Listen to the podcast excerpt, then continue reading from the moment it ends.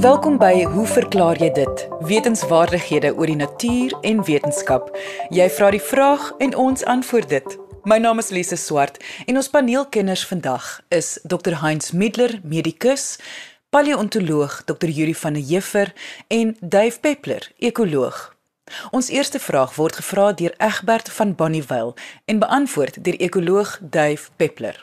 Egbert vra: Na Dave Peppler se insiggewende praatjie oor tematies, het ek gewonder of hy nie iets oor permakultuur, dis die internetvertaling van permaculture, kan vertel nie. Wat behels dit? Want dit is totaal onbekend vir my.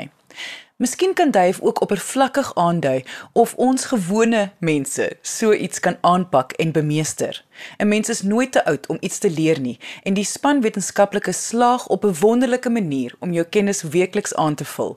Baie dankie daarvoor. So Dave, waar sou jy wil begin? Miskien kan ons gesels oor wat presies is 'n permakultuur? Ek dink ek wil voor ek by 'n definisie uitkom net 'n uitgangspunt stel. En dit gaan om 'n ekologiese term genaamd suksesie.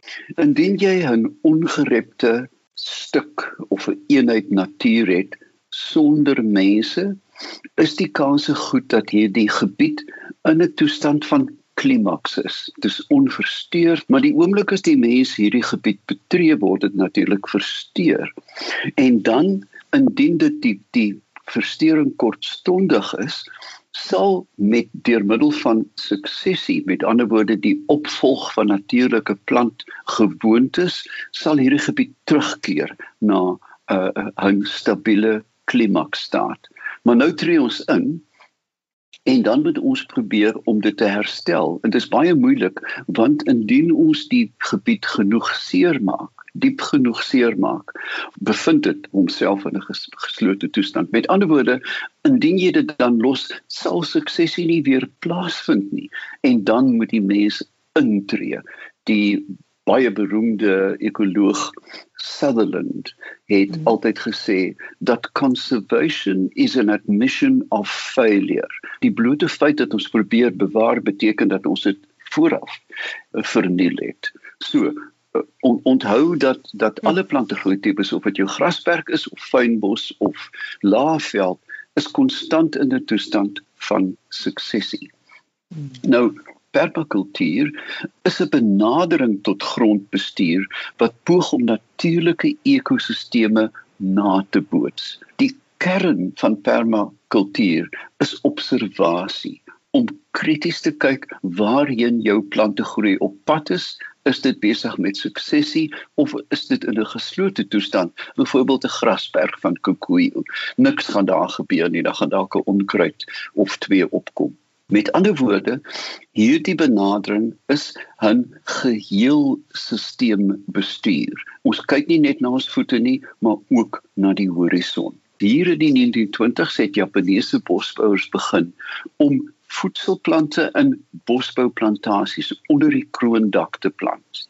Toe het Bill Mollison, die vader van permakultuur, hier in 1978 saam met um, ek dink dit was David Hol Holmgren dink ek, het hulle begin met die verpakking van hierdie idee vir kleiner eenhede, met ander woorde vir tuine ensovoorts as ek Bill Mollison net kan aanhaal en ek dink is 'n pragtige pragtige segging. Permaculture is a philosophy of working with rather than against nature, of protracted thoughtful observation rather than protected and thoughtless labor. Is dit nie mooi nie? Um en dan gaan hy in and looking at plants and animals in all their functions rather than treating any area as a single product system. En ek dink dit som dit verskriklik mooi op dat dat ons moet meer tyd inspann om te kyk en afleidings te maak asof net eenvoudig in te spring en 'n plek plat te ploeg. Jy luister na Hoe verklaar jy dit op RSG 100 tot 104 FM. Nou ja, daar is 'n stigtingsetiek um, en dit gaan om aardsorg, die breë aardsorg, sorg vir die aarde, Dan is daar mensesorg en hier moet ek my ou geuite definisie van bewaring net herhaal dat bewaring is nie 'n wetenskap nie, maar 'n komplekse bestuurseenheid en dan is daar 'n dubbelpunt. Maar bovenal gaan dit oor mense want ons is die drywer van die van die afname in biodiversiteit. Hmm. En dan laastens en iets wat ek baie sterk oor voel, is regverdige verdeling dat ons die moet sorg dat die eenheid wat wat opbrengs lewe dat hierdie kos na die regte mense toe gaan op die regte tyd. Want soos jy al te goed weet in in in in gevorderde lande soos Engeland en Amerika word byna 60% van alle voedsel weggegooi want dit dit ja. word nie geëet jy weet terwyl dit nog vars en lekker is nie. So ons mm. ons moet daaraan dink. Dan is daar ook 'n aantal ontwerpbeginsels. En die eerste en belangrikste een is neem waar en neem deel. Dit spoel terug op my stelling van observasie. Bekom 'n nutbare opbrengs. Moenie een plantjie plant wat jy wat een pasta tussen krye gaan voorsien nie, want dan uh, word dit eintlik nie die moeite werd om dit te doen nie. Mm. En dan reguleer self en aanvaar terugvoer van jou grond. As die blare geel word, is daar heel moontlike tekort aan of yster of uh, stikstof en vul dit dan aan. Moet niks mors nie. Ons gooi ontsaglike hoeveelhede goed weg. Nou een van die kerne van van uh, permakultuur is mollem, grondlaagbedekking jy kan die mees steriele omgewing binne 'n jaar omskep na 'n lewende omgewing deur volme organiese deklaag te gee. Dit is absoluut merkwaardig wat gebeur. En die volgende ding na ehm um, deklaag is die idee van companion plants, die heilsame saamgroei van plante wat vir mekaar goed is of peste afweer.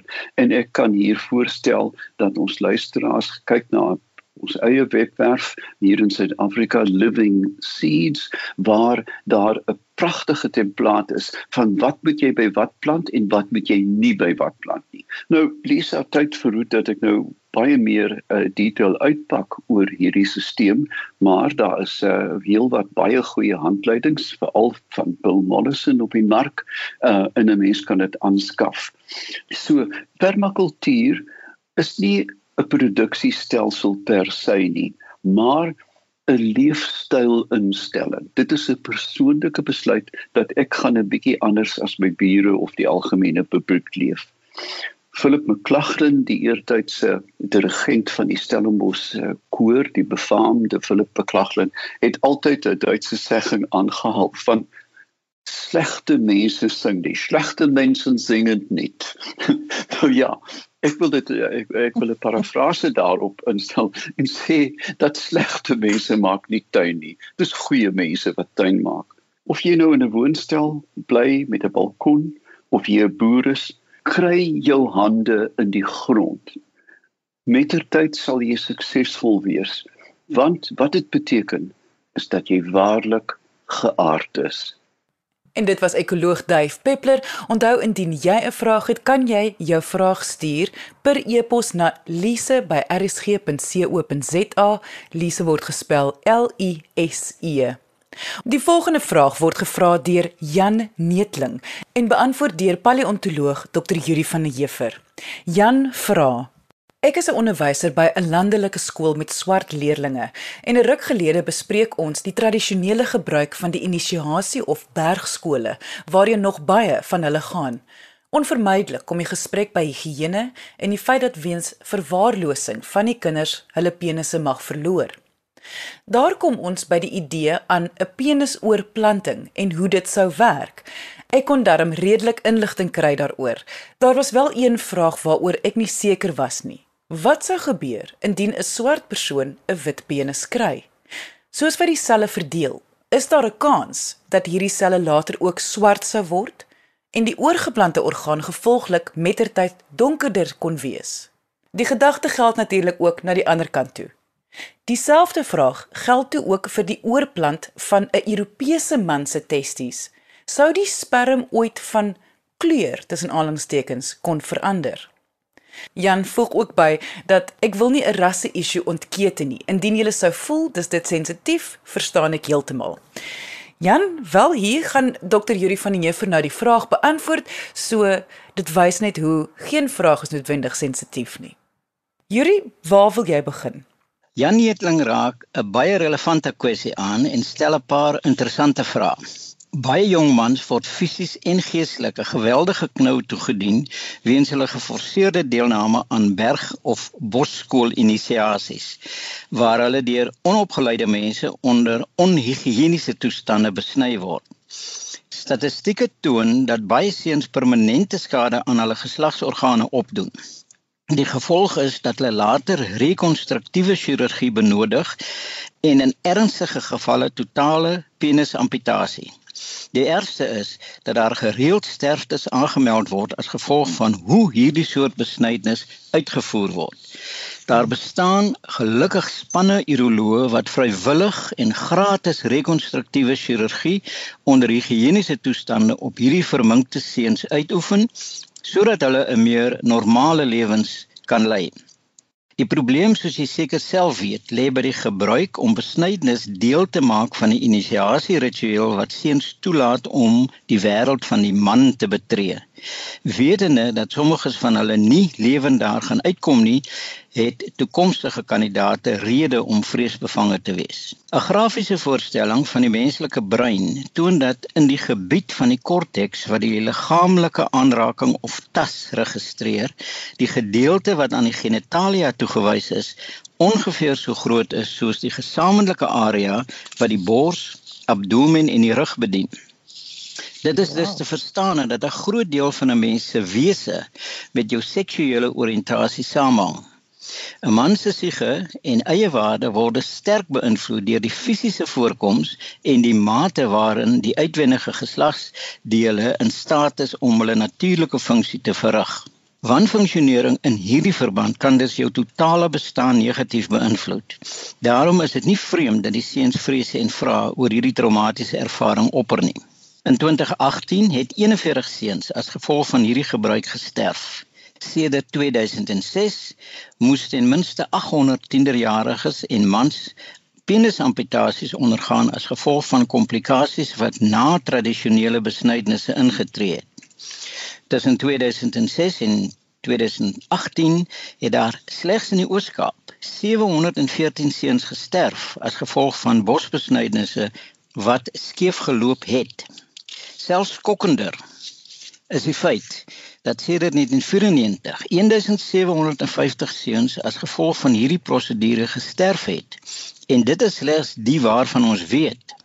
Seks manne praat egter die bosoperasies goed en wys besnydnis deur medisyne af omdat bosbesnydnisse as so 'n integrale deel van 'n spesifieke kultuur beskou word dat dit nie aangepas mag word nie. Die wreedaardige gebruik duur dus voort.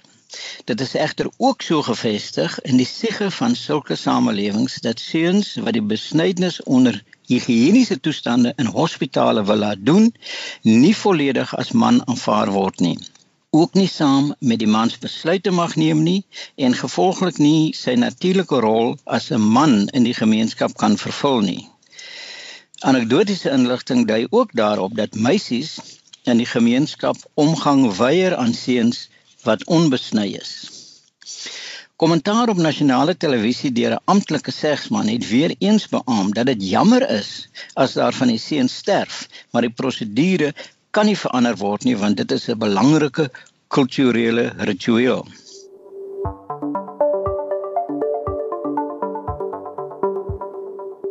Yuri, wat is jou persoonlike opinie hieroor?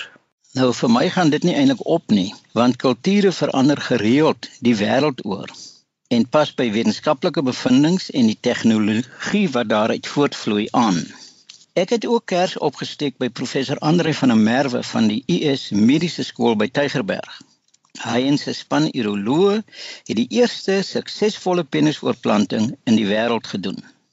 Jan, jou vraag oor wat die gevolg sou wees as 'n swart persoon 'n wit penis kry en andersom het betrekking.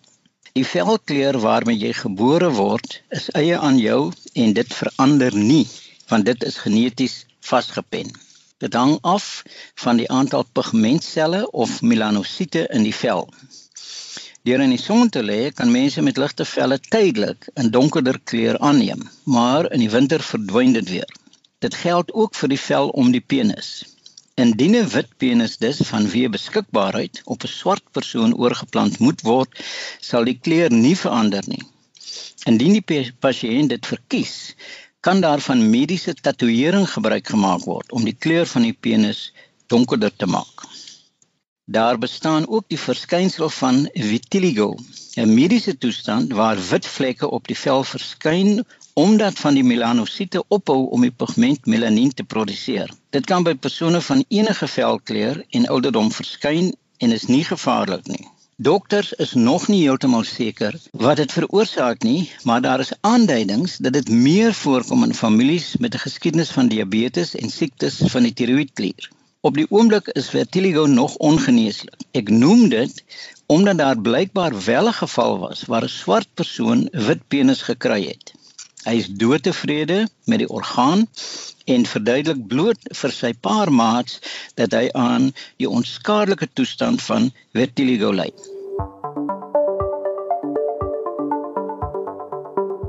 Jou vraag dat indien 'n Europese testes op 'n swart man oorgeplant sou word, sal die kleur van die semen met die tyd verander. Die vloeistof semen bestaan uit spermselle gemeng met ander vloeistowwe van die geslagsstelsel. Hier kan die seuns gerus gestel word. Die semen van alle mans het basies dieselfde liggrys kleur en kleurveranderings is nie ter sprake nie. Ek vermoed eintlik dat dieselfde kleur geld vir alle soogdiere want waar ek al was by KI instansies kunsmatige inseminasie instansies waar daar semen getrek word van manlike diere het ek byvoorbeeld gesien dat skape ook dieselfde ligkleurige semen het Wanneer kleurverskille wel voorkom, kan dit verskillende dinge beteken. As dit effens geelerig vertoon, kan dit wees dat daar na urinering 'n bietjie urine in die buise agtergebly het. Dit is egter nie iets om jou oor te bekommer nie. As die semen rooi vertoon, is dit gewoonlik te wyte aan inflammasie van die prostaatklier en 'n geel of groen kleur kan 'n gevolg van geelsig, die teenwoordigheid van vitamiene of die gebruik van medikasie wees. Interessant genoeg besit die ontvanger na 'n penisoorplanting 'n tweede stel DNS. Dit is egter nie 'n wesenlike probleem nie want die DNS in die oorgeplante penis kan nêrens heen nie, aangesien die penis nie geslagselle kan produseer nie. Indien die ontvanger sy testes behou het, sal hy steeds sy eie geslagselle kan produseer. Indien die ontvanger egter so erg vermink is dat die penis en die testis geamputeer moet word, skep dit 'n ander soort probleem. Spermatogenese, die woorde die produksie van spermselle uit die primordiale kiemselle van die embrio werk so dat hierdie selle na die posisie waar hulle in die testis gaan ontwikkel beweeg en produseer dan daar sperm wat dan gemeng met bykomende vloeistowwe bekend staan as semen. In 2018 het 'n span dokters van die Johns Hopkins Hospitaal in Baltimore in die Noord-Amerikaanse deelstaat Maryland 'n oud soldaat van 'n nuwe penis en 'n skrotum voorsien. Die skrotum is die velsakkie waarin die testes geleë is. Jy luister na Hoe verklaar jy dit op RSG 100 tot 104 FM. Maar Yuri, hoe hoe hoe algemeen is testes oorplanting? Dit voel vir my ek het nog nie vreeslik daarvan gehoor nie. Volgens Dr. Andrei van der Merwe van Tygerberg is dit teoreties moontlik om testis ook oor te plant. Maar by Tygerberg doen hulle dit nie en die Amerikaanse dokters het dit ook nie gedoen nie. Die rede hiervoor is hoofsaaklik eties. Indien die testes van 'n pasgestorwe man afkomstig is, kon so 'n persoon nie toestemming gegee het om sy testes inderwaarheid sy geslagselle oor te plant nie. Indien dit wel gedoen sou word, sou dit oneties wees want aangesien enige kinders wat die ontvanger mag verwek eintlik geneties die kinders van die skenker sal wees. Ook is daar verdere komplikasies aangesien familie van die skenker aansprake mag hê op die nageslag. Regsinnig kan die kwessie van erfgename miskien in die gedrang kom en as die skenker reeds kinders gehad het, sou die kinders van die ontvanger indien hulle ooit ontmoet en verlief raak, nie in die huwelik kon tree nie omdat bloedskande dan ter sprake sou wees. In die geval van 'n penis en 'n skrotumoorplanting word daar vir die ontvanger silikoonimplantate gemaak wat soos die testis lyk en in die skrotum geplaas word om weer 'n natuurlike voorkoms te verseker. En met behulp van 'n testosteroon aanvullingsprogram word die ontvanger in staat gestel om steeds 'n funksionele sekslewe te geniet. Baie dankie Jan vir 'n interessante vraag. En dit was paleontoloog Dr. Yuri van den Heever. Onthou indien jy 'n vraag het, kan jy dit stuur per e-pos na lise@lise@rsg.co.za.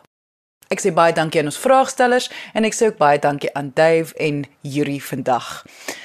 En nou sluit ons af met hierdie week se kitsvraag en dit word beantwoord deur Dr Heinz Middler, medikus van Kaapstad. Heinz, hoe verklaar jy dit dat alle mense op aarde vingerafdrukke het? Wel eintlik het alle mense vingerafdrukke, maar daar is wel 'n mediese toestand waar jy nie vingerafdrukke het nie en hulle noem dit adermatoglyfie. Nou adermatoglyfie is baie skaars. Ek dink daar's omtrent 4 of 5 families in die wêreld wat nie vingerafdrukke het. Die res van ons het almal vingerafdrukke. Behalwe as ouer mense. Dit beteken nie hulle het nie gehad nie. Hulle het nog altyd, maar soos jy ouer raak en jou vel begin atrofies raak, dan begin jou vingerafdrukke baie dunner raak en dit en jy, jy jy sal al hoor van ouer mense wat gaan vir vingerafdrukke vir 'n paspoort of vir 'n ID en dan kan hulle dit nie doen nie. Ehm um, en dit is net omdat dit maar deur die tyd verweer het en en en die vingers begin glad geraak het. Nou jou vingerafdrukke ontwikkel al terwyl jy 'n fetus is. En hier teen die 24ste week wat jy nog in die baarmoeder is, is jou vingerafdrukke volledig en kan jy eintlik al geïdentifiseer word op jou vingerafdrukke. En die vingerafdrukke is maar bloot jy jy weet jy die laag van jou vel, die buitenste laag is jou epidermis en dan het jy net onder dit jou jou dermis. Intussen dit is daar basale laagselle wat groei wat sulke heuweltjies maak en daai heuweltjies maak die riwe bo op die vel. So dit is hoe die vingerafdrukke vorm en dit is maar gewoonlik die ergste op jou hande en op jou voete. Dit is nog meer merkwaardig dat elkeen vir ons 'n verskillende stel vingerafdrukke het, selfs tweelinge. Identiese tweelinge het verskillende vingerafdrukke. So jy kan iemand identifiseer aan jou vingerafdruk ons het ander unieke anatomiese eienskappe wat ons ook kan gebruik vir identifikasie soos jou iris. Elke mens se iris, die kleur van jou oog is verskillend. Niemand het dieselfde iris nie. So jy kan in 'n sekere uh, apparaat inkyk en kan hulle dadelik sê ja, jy's Lisa Swart en daar's niemand anders se iris lyk like soos joune nie. Maar aan die ander kant jy los nie jou iris se anatomiese kenmerke eers as jy kwaad gedoen het nie, maar vingerafdrukke klou aan glas vas en klou aan verskillende materiale vas. So jy weet al is jy nie meer daar nie, is jou vingerafdrukke nog daar. Hiermee sluit ons vandag se program van Hoe verklaar jy dit af? Baie dankie aan almal wat saam geluister het. Onthou om volgende Sondag 12:30 weer in te skakel vir wetenskapwaardighede oor die natuur en die wetenskap.